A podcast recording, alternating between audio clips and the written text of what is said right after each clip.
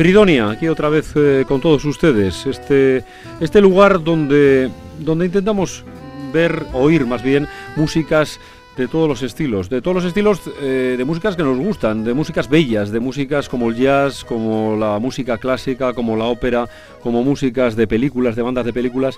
Bueno, vamos a tener hoy un día especialmente movido les voy a sugerir eh, recorrer diferentes espacios. Lo pueden hacer perfectamente tumbados o sentados, es decir, eso sí que va a ser un ejercicio más mental que otra cosa. Pero, pero sí que vamos a ir pasando por, situaciones distintas. Lo llamamos espacios creativos, porque son lugares eh, que nos van a situar eh, en ámbitos donde, donde un determinado músico ha creado una pieza bella, una pieza de enorme expresividad. Y vamos a empezar por el cine, comentábamos anteriormente. ¿Cuántas veces hemos estado viendo películas de vaqueros, verdad? Películas eh, donde, bueno, pues el, malo, el bueno, la chica, el chico. Eh, hay una, banda sonora de una película que me trae loco. Eh, una banda que realmente tiene una motividad y una belleza que realmente es algo increíble. Es de Victor Young, uno de los grandes de, la música de películas. Y la música, la banda sonora es de la película Johnny Guitar.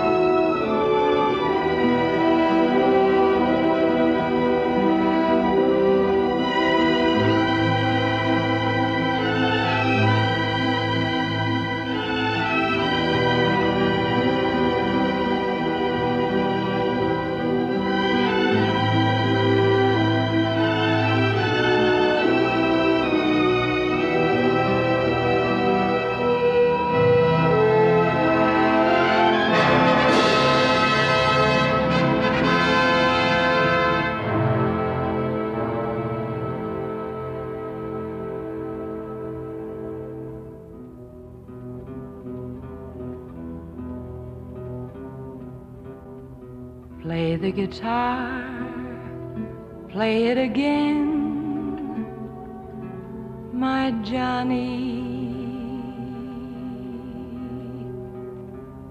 Maybe you're cold, but you're so warm Johnny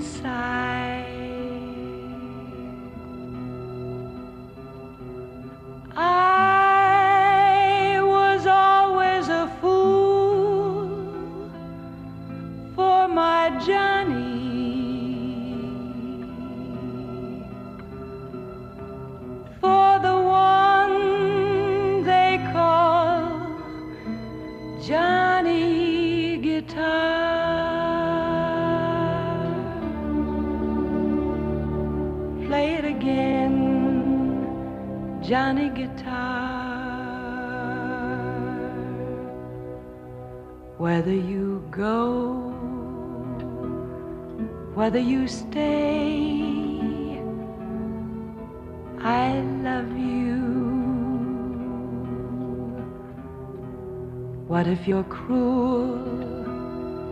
You can be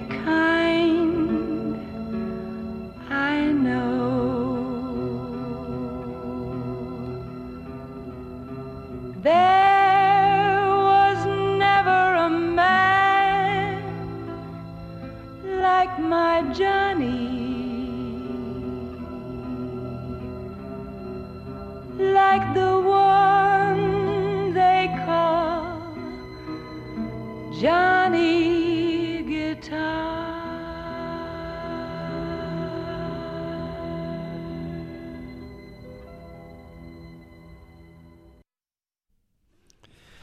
no hubo un hombre como, como Milloni. Qué, qué, qué, amor, qué belleza. Cómo cantaba Pellilí en este Johnny Guitar. Ese hotel eh, retirado del, del, oeste, donde aquella dueña de hotel vuelve a encontrarse con Johnny Guitar, ese pistolero. Qué, historias, qué, qué, qué, belleza y qué peliculaza y qué, qué música o qué banda sonora, ¿verdad? Bueno, vamos a, a, saltar a otro espacio creativo. En este caso nos vamos al estudio de un grandísimo músico y de un disco de, que acaba de sacar, Branford Marsalis, con su, con su cuarteto, Branford Marsalis Quartet, eh, y en este caso con una composición eh, de uno de los músicos de su grupo, que aparte que es de ser un sensacional pianista, es un sensacional compositor, Joey Calderazzo. Eh, la composición es Hope y la verdad es que mm, yo creo que es una de las piezas más bellas que he oído bueno, pues en, en, este último año. La verdad es que creo que es una creación increíble. Nos vamos al estudio de Branford Marsalis porque merece la pena.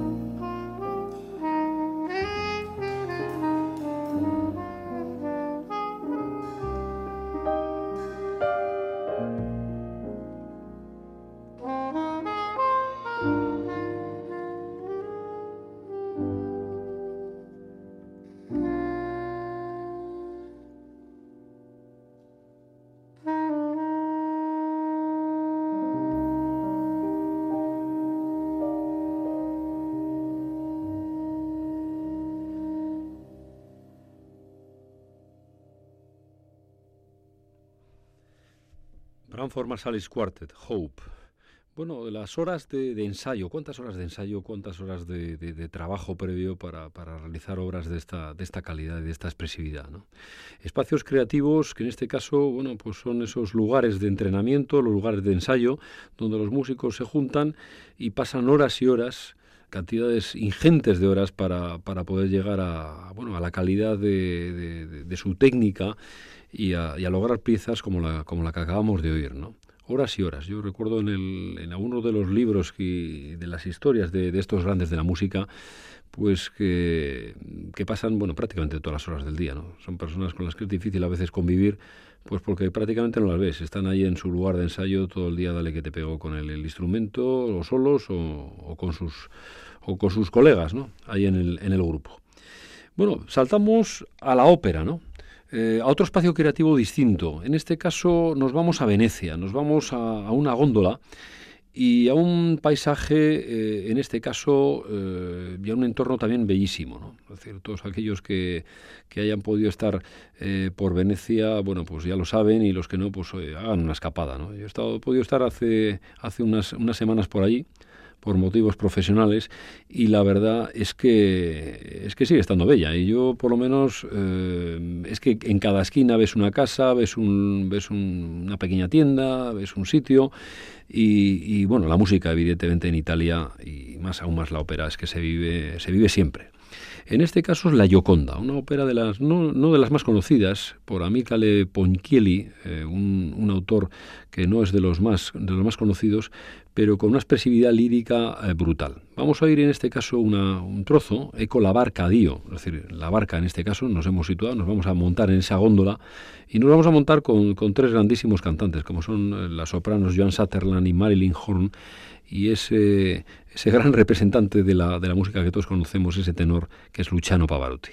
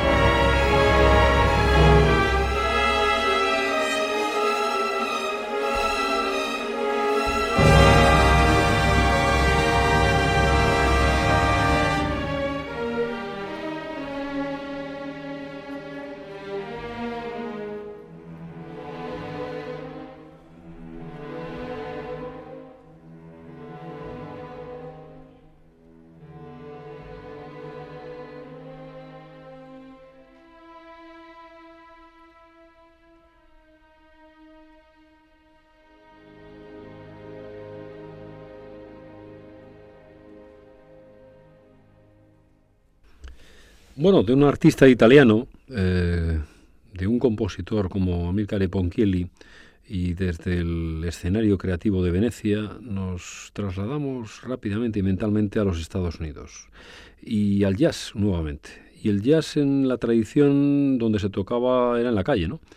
Y una de esas calles famosas es el Green Dolphin Street, al cual le han dedicado cantidad de músicos eh, a, esta, a esta calle y a esta pieza, pues eh, sin lugar a dudas muchas de sus, de sus creaciones. On Green Dolphin Street, en este caso por un, por un grupo encabezado, un quinteto encabezado por Eric Dolphin, un eh, sensacional saxofonista y clarinetista, clarinetista bajo ese, ese instrumento tan bello y que en el y, bueno y muy poco utilizado es decir realmente en el jazz pues eh, no se me ocurren más allá de tres o cuatro figuras que realmente han sido conocidas ¿no? trabajando el clarinete bajo por su dificultad y además por su por la, el toque que necesita eh, realmente difícil eh, para, para dar el ritmo que el jazz necesita y posiblemente en, en, esta tesitura pues es más fácil trabajar con el saxo tenor ¿no? Eh, Eric Dolphy, un hombre creativo 100% y que ha trabajado cantidad de, obras y les ha dado un color y una, y una definición eh, difícilmente comparables. Le vamos a oír en este caso en On Green Dolphin Street y, ya les digo, luego me gustaría que lo compararan con otros On Green Dolphin Street que hay de cantidad de, artistas, eh, porque es un estándar muy tradicional y ya verán cómo les suena muy diferente.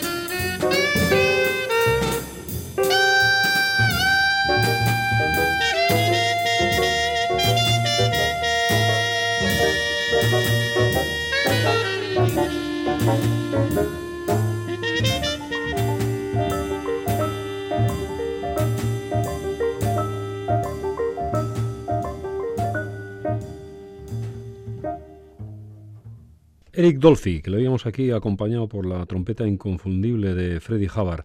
Eh, es un músico eh, que también ha tenido enormes eh, variaciones, tuvo un acercamiento fuerte al free jazz. Hay un disco muy conocido del Auto Flange, en el cual bueno, pues hace unas piezas realmente con con, saltos y con un trasiego, digamos, de escalas y notas brutal. Igual demasiado impacto para ponerlo a estas horas, pero bueno, les aconsejo que les, les gusta el jazz y, sobre todo el free jazz, es decir, que, se acerquen a Eric Dolphy. En este caso le veíamos en, este On Green Dolphin Street, realmente, realmente ameno y bello. Y parte de esa belleza que a veces tiene que los músicos hacen adaptaciones y hacen creaciones eh, que, sacan obras nuevas, ¿no? de, estándares ya, ya clásicos. Y saltamos a otro, a otro, no sé si lo podemos llamar músico de jazz. Él dice que sí, que realmente es, un músico de jazz, aunque ese, ese término de jazz que no quiere que, se le limite para tocar músicas de, de, aquellos países y con aquellos instrumentos que, él pueda elegir a lo largo de su vida. ¿no? Es un músico eh, como es Yusef Latif. Em, con un trasiego histórico y con una vida también para rellenar de cuatro biografías. ¿no? Le podíamos oír ya en, edad avanzada, pero todavía en forma en, Donosti, bueno, pues en el Festival de Jazz, con los hermanos Belmondo, un poco con el último disco que ha sacado. Y, bueno, el que pudo ahí estar pudo disfrutar realmente de las condiciones de este, de este artista increíble. Eh, yo he elegido este, un disco, Eastern Sounds, que es quizá uno de los, de los discos más, eh, más referentes de él, Los Sonidos del Este, donde él eh, en cada una de las piezas va cogiendo instrumentos distintos, de países distintos. Y realmente aparte de, de la destreza en instrumentos de viento que nos, que nos demuestra, eh, las creaciones, las, aportaciones que hace con ello, como, con piezas como este de Plum Blossom, que vamos a ir a continuación, son absolutamente increíbles. Es una, es una pieza en la cual él utiliza una denominada flauta china, que, que suena, vamos, como una botella, es decir, como si estuviera tocando una botella y yo la verdad es que este hombre eh, se le puede dar un bolígrafo, se le puede dar cualquier cosa porque de ello hace música. Es, es, es el músico en estado puro. Yusef Latif, Eastern Sounds de Plum Blossom.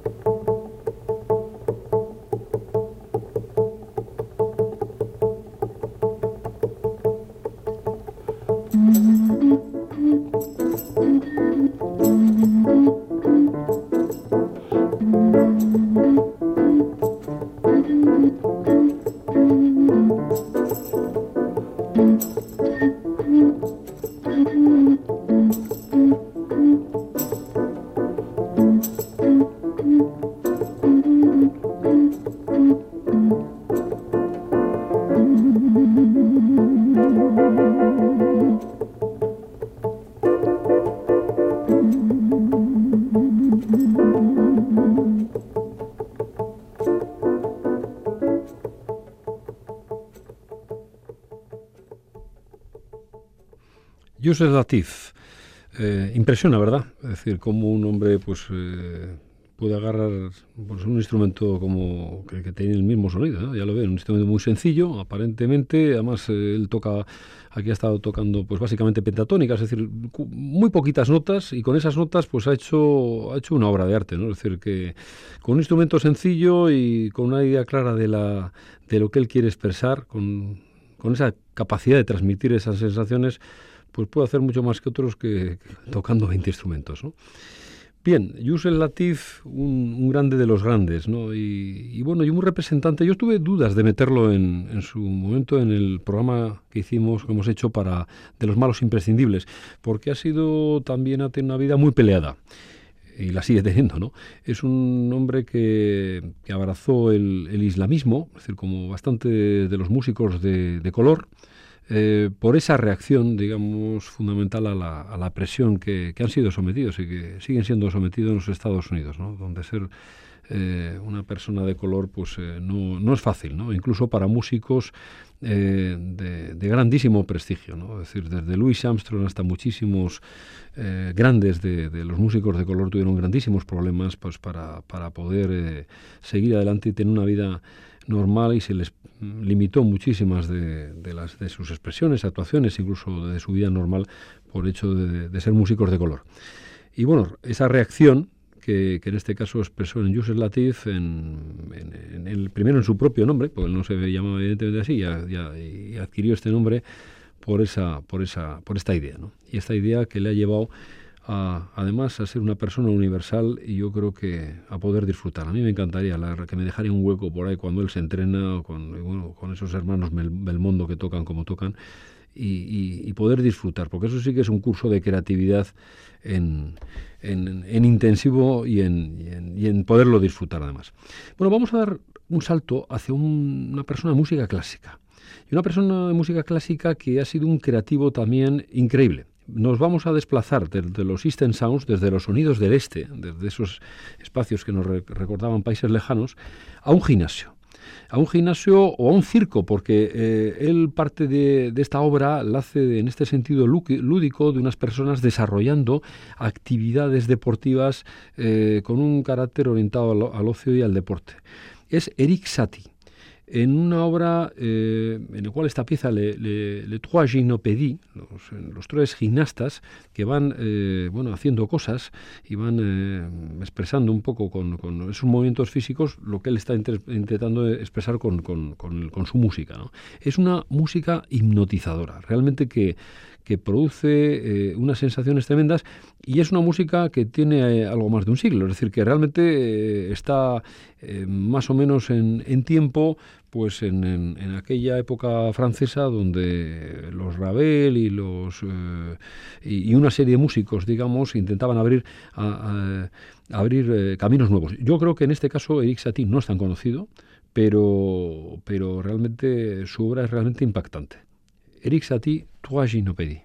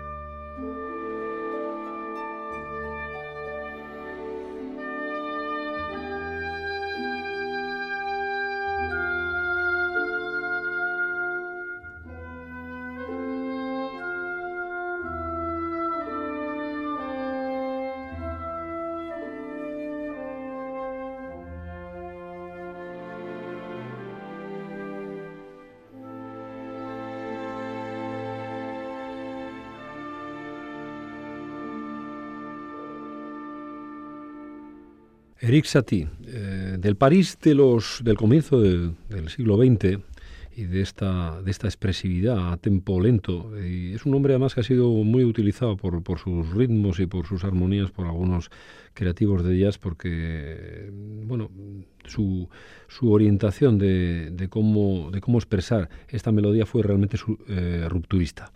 Pasamos a, a Italia, volvemos de París a Italia.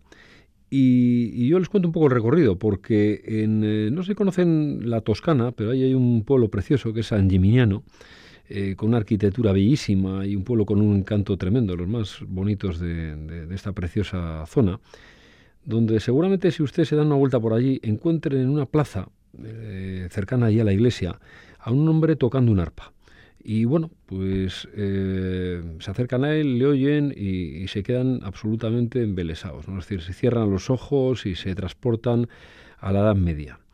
Andrea Piazza se llama este, esta persona, que es un gran músico y que vive allí. Y bueno, pues como, como muchos músicos que en un momento determinado de su vida pues han optado por estar viviendo en una zona tranquila y ahí desarrollar su obra y de vez en cuando pues salir a tocar o bien en la, en la calle, en una zona pues que ellos se encuentren a gusto, como como bueno pues como parte de su de su expresividad y de, su relación con los demás o lo hacen en un local, ¿no? Como luego veremos Steve Kuhn, que estuvo durante mucho tiempo pues, viviendo y tocando en Ibiza, ¿no? En este caso Andrea Piazza. Y, yo leí, bueno, una, una adaptación, digamos, de una, de una canción muy conocida de, de Bach, Jesu Joy of Man de Siren, que luego lo, seguramente lo reconocen, y la verdad es que oyéndole eh, tenías que cerrar los ojos y te, quedabas allí pues diciendo, oye, pues pueda pasar el día, no sé, aquí traigo un bocadillo, si es que me, entra en la gana de comer, que seguramente ni, ni, lo necesite, pero vamos, oyendo hasta a este hombre con esta creatividad, cómo trabaja el arpa, cómo crea armonías, eh, no solamente melodías, en ese tratamiento de arpa, eh, realmente estamos en ese espacio creativo bello. Transportémonos, por tanto, a la Toscana, a San Gimignano, en una plaza, oyéndole el arpa de Andrea Piazza.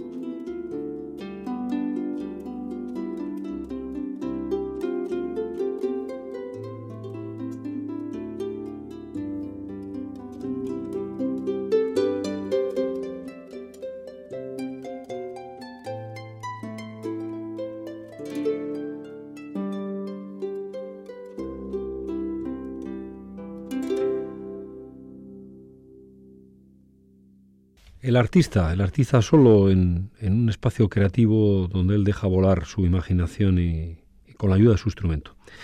Y en esta línea, bueno, vamos a terminar con, eh, con, otro gran artista que tuvo una línea muy parecida, Steve Kuhn. Como decía, bueno, pues eh, estuvo durante unos años viviendo y tocando en, Ibiza, es una persona muy conocida, digamos, a nivel de todo el Estado, está ha trabajado con muchos músicos españoles y, realmente es un pianista que le, hemos visto en diferentes ocasiones. Y, y, siempre, siempre con algo nuevo, siempre con una orientación nueva, y, realmente con, creando espacios creativos como es el, el programa de hoy. Gracias nuevamente. Hasta luego, Fridonia con Steve Kuhn.